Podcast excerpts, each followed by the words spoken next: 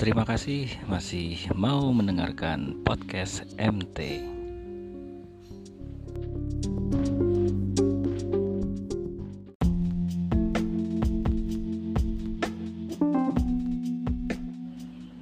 Saya akan menceritakan apa yang terjadi semalam saat ngepet dan apa yang saya dapatkan.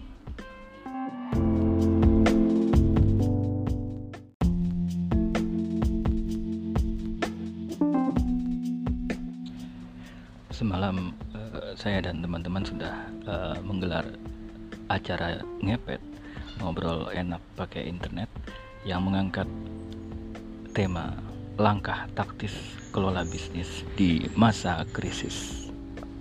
Nah, uh, semalam kita dihadiri sekitar 40 orang dan langsung dibuka dengan saya dan Kelontang dari Madiun yang memberikan kesempatan kepada dua orang pengusaha kecil, Mas Double Den, seorang pemilik rumah kopi Temanggung, dan Mbak Feti, seorang pengusaha butik yang tentu mengalami dampak dari pandemi corona.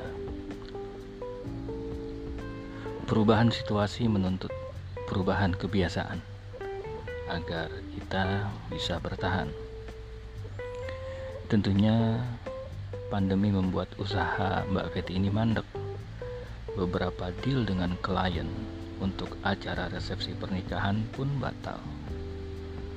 Kondisi corona bahkan banyak membuat pasangan yang batal menggelar pesta pernikahan. Mereka hanya menikah secara sederhana dan tetap jaga jarak. Nah, dari situlah Mbak Feti mencoba berdamai dengan situasi, lalu sampai ia tetap mengikuti perkembangan informasi tentang pandemi. Akhirnya ia mendapatkan inspirasi untuk memproduksi masker. Sejak itulah ia melibatkan 10 pekerjanya untuk memproduksi masker. Hingga semalam seperti yang ia ceritakan Mbak Feti sudah memproduksi sekira 10.000 masker. Ya cukup banyak. Namun ia pun menyadari bahwa ini bukan solusi yang akan menyelesaikan permasalahan ekonominya. Ia sadar beberapa hari ke depan orang sudah tidak terlalu membutuhkan masker atau membeli masker baru darinya karena masker kain yang dibuatnya bisa dicuci untuk dipakai ulang. Nah, akhirnya ia pun terus memutar otak agar bisnis kecil-kecilannya tetap bertahan di zaman baru ini. Begitu juga dengan Kang Denden atau kita kenal di media sosial bernama Double Den.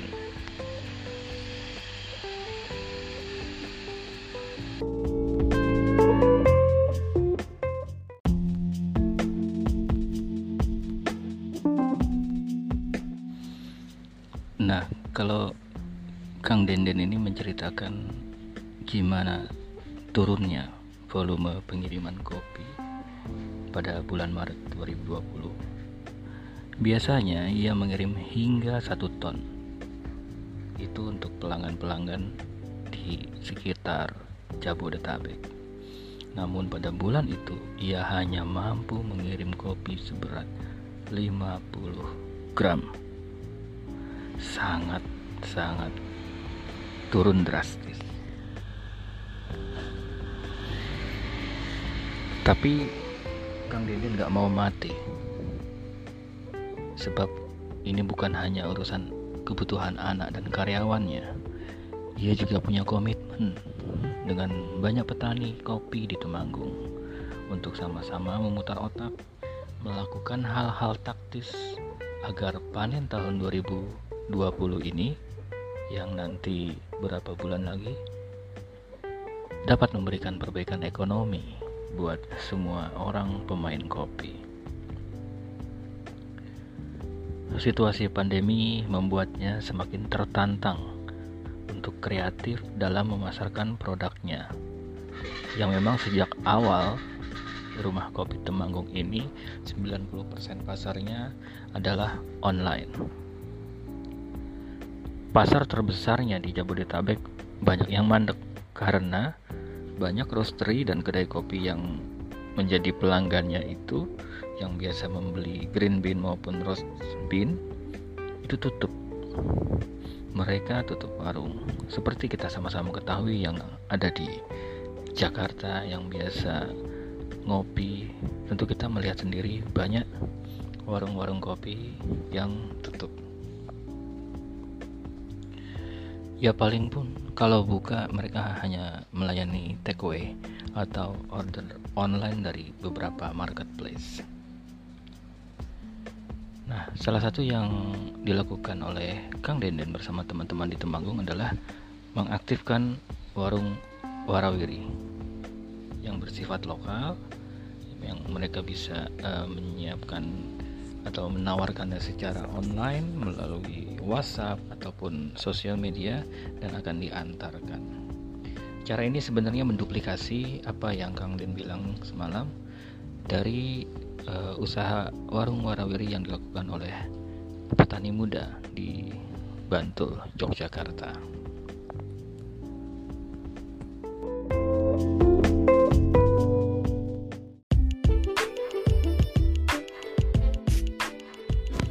Sebentar, saya mau ngopi dulu.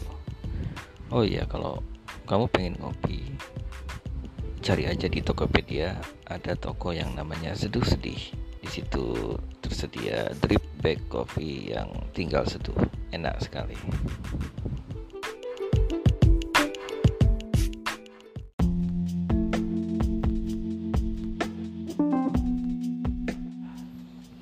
persoalan di masa pandemi COVID-19 ataupun corona ini memang e, membuat seolah hidup kita jadi tanpa kasta. Semua level dari atas sampai bawah mengalami krisis yang sama begitu yang dikatakan oleh uh, Kelontang semalam dan juga uh, diiyakan oleh Ketua Umum Relawan TIK yaitu Kang Fajar Eri. Ia juga nimbrung dan menawarkan salah satu solusi pembayaran online. Saat ini cara yang ia tawarkan semalam itu sudah dilakukan oleh beberapa teman-teman Salah satunya adalah teman-teman seniman jalanan seperti yang diceritakan oleh Mas Jatmiko dari Magetan. Para pengamen melakukan ngamen secara online dan menyediakan QR code pembayaran. Jadi para penonton bisa secara sukarela membayar dengan uh, cashless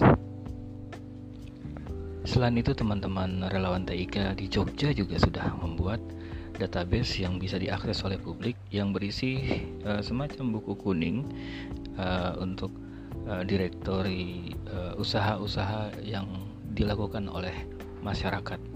Jadi kita bisa mencari usahanya dari apa, di mana, layanannya seperti apa, dan uh, transaksinya secara online. Layan ini dibuat untuk membantu usaha kecil mikro agar bisa tetap bertahan untuk berjualan pada kondisi yang miris ini.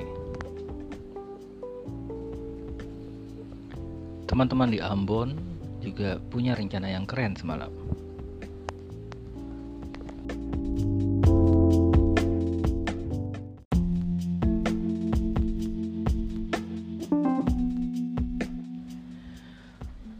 Teman-teman di Ambon itu uh, mereka sedang mendata siapa saja warga yang biasa menjual jajanan takjilan dan nantinya mereka akan membantu memasarkannya secara online untuk memasuki bulan Ramadan tahun ini.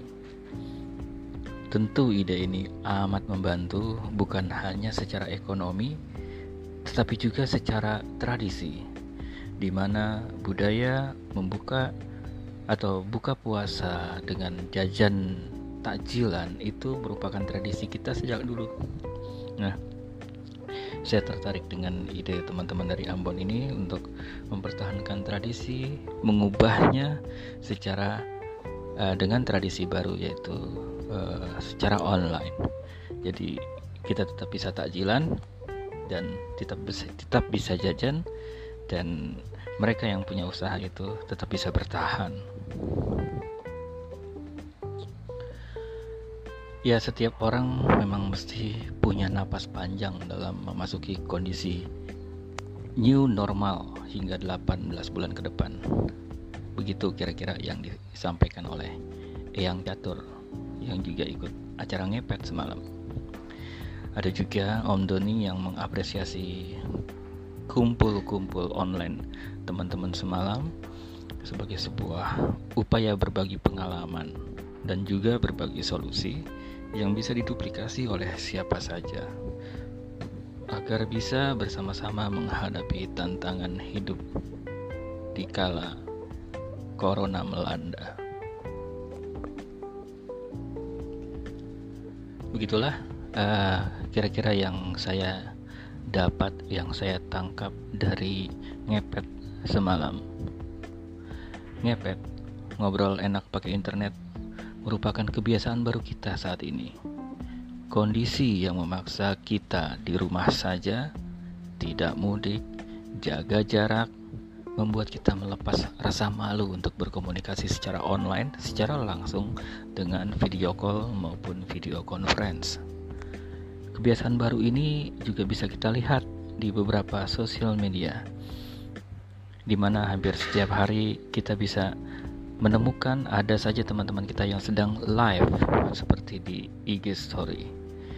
Membuka obrolan berbagi pengalaman berbagi pengetahuan ada juga yang konser ngobrol ngalor ngidul yang dilakukan hanya agar bisa tetap waras dan bersikap wajar dalam menghadapi pandemi ini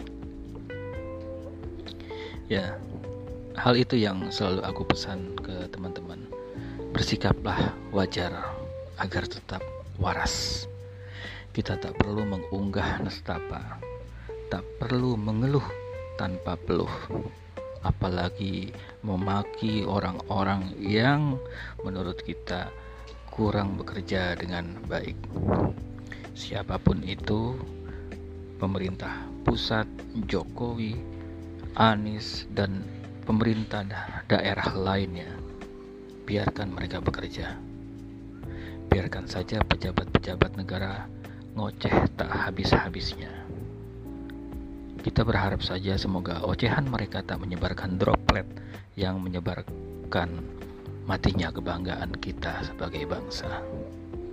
Karena itu, kembali lakukan apa pun yang bisa kita lakukan tetap terkoneksi dan berbagi kabar dengan teman di seluruh jagat raya melalui Mayantara.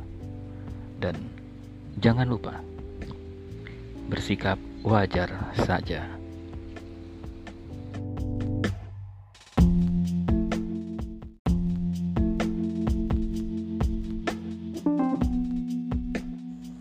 Terima kasih buat teman-teman yang masih mendengarkan podcast MT. Kita berjumpa lagi nanti di episode yang selanjutnya. Bye.